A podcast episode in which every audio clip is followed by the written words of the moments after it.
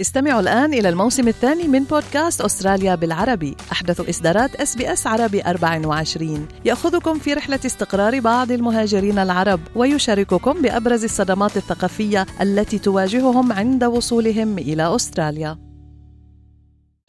أنتم برفقة إس بي إس عربي 24 اكتشفوا المزيد من القصص العظيمة على sbs.com.au arabic.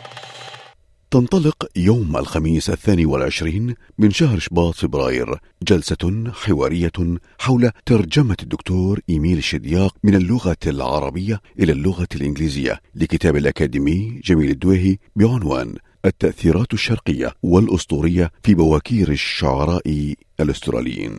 في اللقاء التالي تحدثنا مع مؤلف الكتاب الدكتور جميل الدويهي مطلق مشروعه للأدب المهجري الراقي أفكار اغترابية وأيضا مع مترجم الكتاب الدكتور إيميل الشدياق للتحدث عن الكتاب ومضامينه وأيضا عن ظروف ترجمة هذا الكتاب من العربية إلى الإنجليزية. عن الكتاب. قال في البداية مؤلفه الدكتور جميل الدويهي الكتاب هو خلاصة شعر لثلاثة شعراء أستراليين قدماء في بداية الاستيطان في أستراليا. هم الشاعر تشارلز هاربر والشاعر آدم لينزي جوردن والشاعر هنري كيندل. نماذج عن شعراء أستراليين في وقت مبكر من أوقات الاستيطان الأبيض. تأثروا بالأسطورة الشرقية وبالأساطير اليونانية أيضا وكتبوا قصائد تستوحي هذه الأساطير وتربط بين الأدب الأسترالي وتلك الأساطير الغنية بالرموز وبالمعاني الغيبية. بدأت فكرة الكتاب عندما كنت أصدر مجلة أفكار اغترابية في عشرة أعداد منها وكنت أترجم نصوصا لشعراء غربيين فوقعت على بعض القصائد لشعراء أستراليين قدماء هم الثلاثة الذين ذكرتهم. لفتني أن هؤلاء سبقوا توماس إليوت صاحب الأرض الخراب التي أثرت بالشعراء العرب في عام 1920 وما بعد. وقلت لماذا لم يستوحي الشعراء العرب من هؤلاء الشعراء الأستراليين مثلا؟ وهم أسبق من توماس إليوت. الغريب أن شعر إليوت وصل إلى الشرق في وقت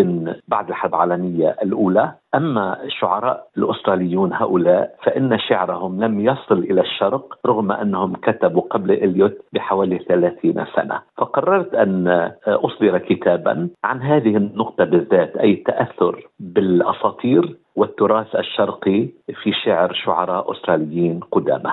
اخترت دكتور توثيق هذه الدراسة بالعربية أصلا ثم تحولت هذه الدراسة إلى ترجمة باللغة الإنجليزية من ترجمة الدكتور إيميل الشدياق حدثنا عن السبب الذي جعلك أن تصيغ هذه الدراسة أولا باللغة العربية. نعم الكتاب صدر أصلا باللغة العربية وقام الدكتور الصديق إيميل شدياق بترجمته إلى اللغة الإنجليزية في هجرة معاكسة لما يجب أن يكون فكان الأفضل أن ينشر الكتاب بالإنجليزية ثم يترجم إلى العربية، ولكنني وضعته باللغة العربية وسارع الدكتور شدياق لإعجابه بهذا الكتاب، كان هذا الكتاب يعني هديتين نسخة عربية ونسخة إنجليزية في وقت متقارب جدا. واللافت أن هؤلاء الشعراء الثلاثة لم يحظوا بكثير من الاهتمام في النقد الأسترالي فقلما تقع على دراسة أو كتاب أو حتى مقالة صغيرة عنهم.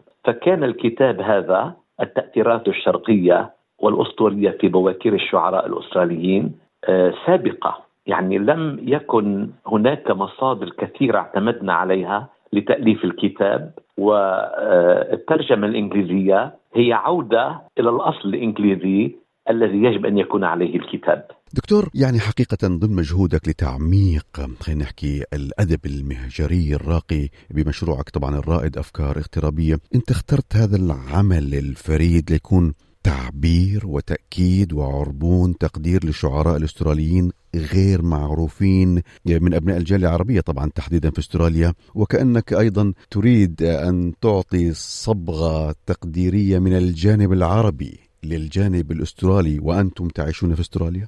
نعم هذا هدف من الأهداف المحددة للكتاب، طبعا الهدف الأول هو توصيل المعلومة، الهدف الثاني هو التأكيد على أفكار اغترابية وتنوعه غير المسبوق شعرا ونثرا ورواية وقصة قصيرة وفكرا وتاريخا وألفت إلى أن هذا الكتاب هو الثالث في سلسلة كتب صدرت عن الأدب الأسترالي من أفكار اغترابية. الكتاب الأول هو حكايات جدة أبوريجينية الذي آه، وثقت فيه مجموعة كبيرة من الأساطير الغنية من التراث الأبوريجيني الأسترالي وكان أول كتاب عربي على الإطلاق آه، في هذا الموضوع. ثم الكتاب الثاني كان حكايات من تيرا أستراليس الذي وثقت فيه قصص المستوطنين البيض الأوائل في أستراليا والحكايات الغريبة التي حدثت هنا في ذلك العصر. وكان هذا الكتاب الثالث الأكثر أدبية والأكثر أكاديمية لأنه أكاديمي يعني هو في اللغة العربية من حوالي 19 ألف كلمة وفي اللغة الإنجليزية حوالي 21 ألف كلمة. وهذا يعني في في المنطق الجامعي يعادل دراسة آه، آه، دكتوراه. فكان يعني هناك عدة عصافير بحجر واحد تقصدنا أن نصيبها في هذا الكتاب. نعم. دكتور في الأمسية يوم الخميس 22 شباط 2024 سيجتمع المؤلف الأكاديمي والمترجم. فماذا تعدون الحضور في هذه الأمسية؟ آه، اولا أحب أن أشير إلى أن الامسيه ليست عامة، يعني هي ليست كالأمسيات والمهرجانات التي أقيمها آه، كل عام في سيدني أو في ملبن. آه، هي أمسية محددة الضيوف. تقتصر على المشاركين فقط وبعض الأصدقاء المقربين من أفكار اغترابية. نتوقع أن تكون هناك طبعا مطالعات دراسات مقالات نقدية وأكاديمية من أستراليا وخارج أستراليا. تعرف سيدي العزيز أن النقد يضيء الطريق. فنحن ربما نرتكب أخطاء في المسيرة وربما آه، نقول شيئا ليس صحيحا. فوظيفة هؤلاء الأصدقاء الطيبين والنقاد المشاركين أن يصححوا لنا أن يضيئوا لنا أن يعبروا عن بعض الأفكار التي ربما سهونا أن نعبر عنها. وهذا كله غنى لنا وللحاضرين الكرام أيضا. دكتور يعني السؤال زي ما بيحكوها بين قوسين نكشة مخ هيك يعني. نعم. يعني عادة المترجم هو الذي يلتقط الكتاب لترجمته. فهل هذا الكتاب التقطه الدكتور إيميل شدياق لترجمته أم أنت طلبت منه الترجمة أم الالتقاء الثقافي والفكري بينكما هو الذي جمعكما لترجمة هذا هذا الكتاب الرائد؟ آه، شكرا للسؤال لأنه آه، يضيء على مسألة مهمة جدا. فالاصل في الترجمة هي أن تخرج من الذات وليس بطلب من أي شخص، كنت في إحدى الأمسيات فالتقيت بالدكتور إيميل شدياق وأهديته كتابي باللغة العربية وعدت إلى البيت، لم يمر يومان أو ثلاثة أيام حتى اتصل بي هاتفيا وعبر عن إعجابه الكبير بهذا الكتاب وفاجأني بأنه ترجم عددا كبيرا من الصفحات في يوم واحد ولم أصدق أنه استطاع في هذه الفترة القياسية أن يترجم يعني حوالي أربعين صفحة في يوم واحد. فاجأني بهذا الموضوع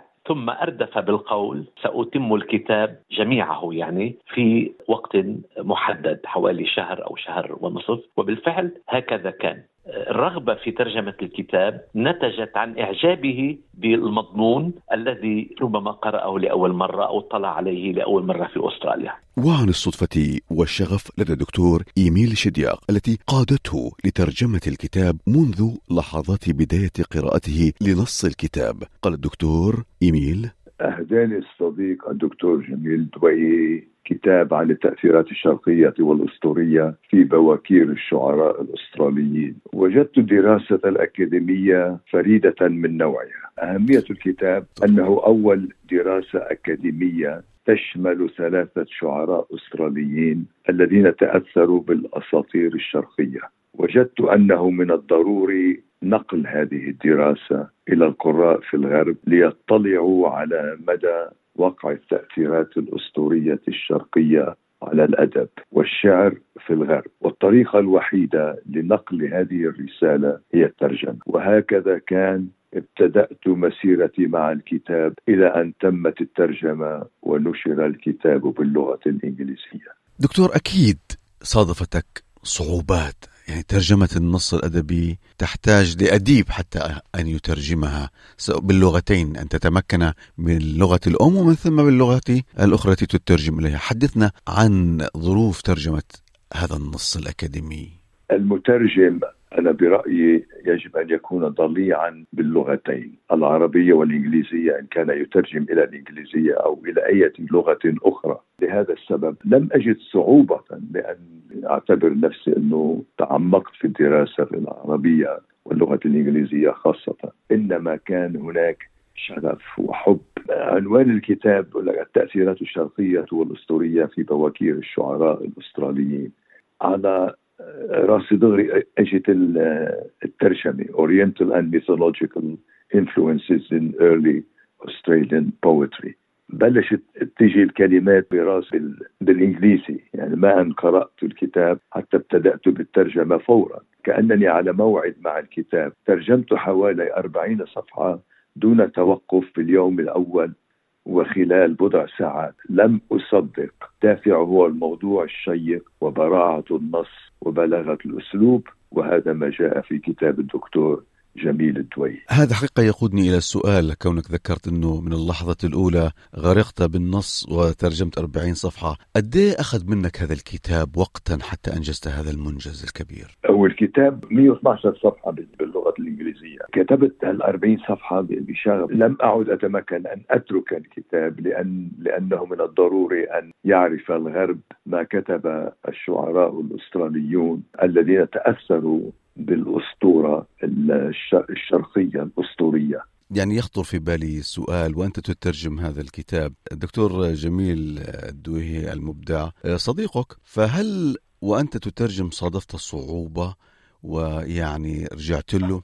ولا على قد ما أنت صحبتك معه على قدر ما يعني هي صحبة شخصية ومن ثم أصبحت فكرية وعقلية فأنت مستوعب تماما هو ماذا يريد فترجم دون العودة إليه. كنت على اتصال دائم مع الدكتور جميل سألته عدة مرات عن بعض التعابير وماذا يعني بالضبط. طبعا آه، كنت على اتصال دائم آه، لإيضاح بعض التعابير وماذا يقصد بالذات لكي أنقل الصورة كما هي إلى اللغة الإنجليزية. دكتور ذكرت إنه كنت ترجع لبعض النصوص الشعرية يعني تخيل أنت الآن تنقل نص شعري أصلا كان مكتوب بالإنجليزي. عرب والآن تعيد تشكيله باللغة الإنجليزية. لهد خبرنا قديش صعب أن تترجم الشعر. أنا أترجم الشعر وأترجم الشعر مقفى. شعر العامودي بالقافية والميزان والقافية وال... كمان للإنجليزي على القافية والميزان. هذا صعب جدا جدا وال... وما يساعد على ذلك هو أنني أكتب الشعر باللغة الإنجليزية أيضا وهذا ما سهل لي العمل. نعم ما شاء الله عليك دكتور يعني أنت متعدد المواهب. بكتب الشعر باللغة العربية والإنجليزية والفرنسية. دكتور إيميل شدياق مترجم كتاب من العربية الإنجليزية التأثيرات الشرقية والأسطورية في بواكير الشعراء الأستراليين. تمنيات التوفيق لكم في الأمسية التي ستعقد يوم الثاني والعشرين من شباط فبراير عام 2024 في الساعة السابعة مساء في سيدني. أكيد الحضور سيستمتعون بنكهة أكاديمية رزينة. تمنيات التوفيق لكم في تلك الجلسة وإبداعات أخرى دكتور. استمعوا الآن إلى الموسم الثاني من بودكاست أستراليا بالعربي. أحدث إصدارات إس بي إس عربي 24 يأخذكم في رحلة استقرار بعض المهاجرين العرب ويشارككم بأبرز الصدمات الثقافية التي تواجههم عند وصولهم إلى أستراليا.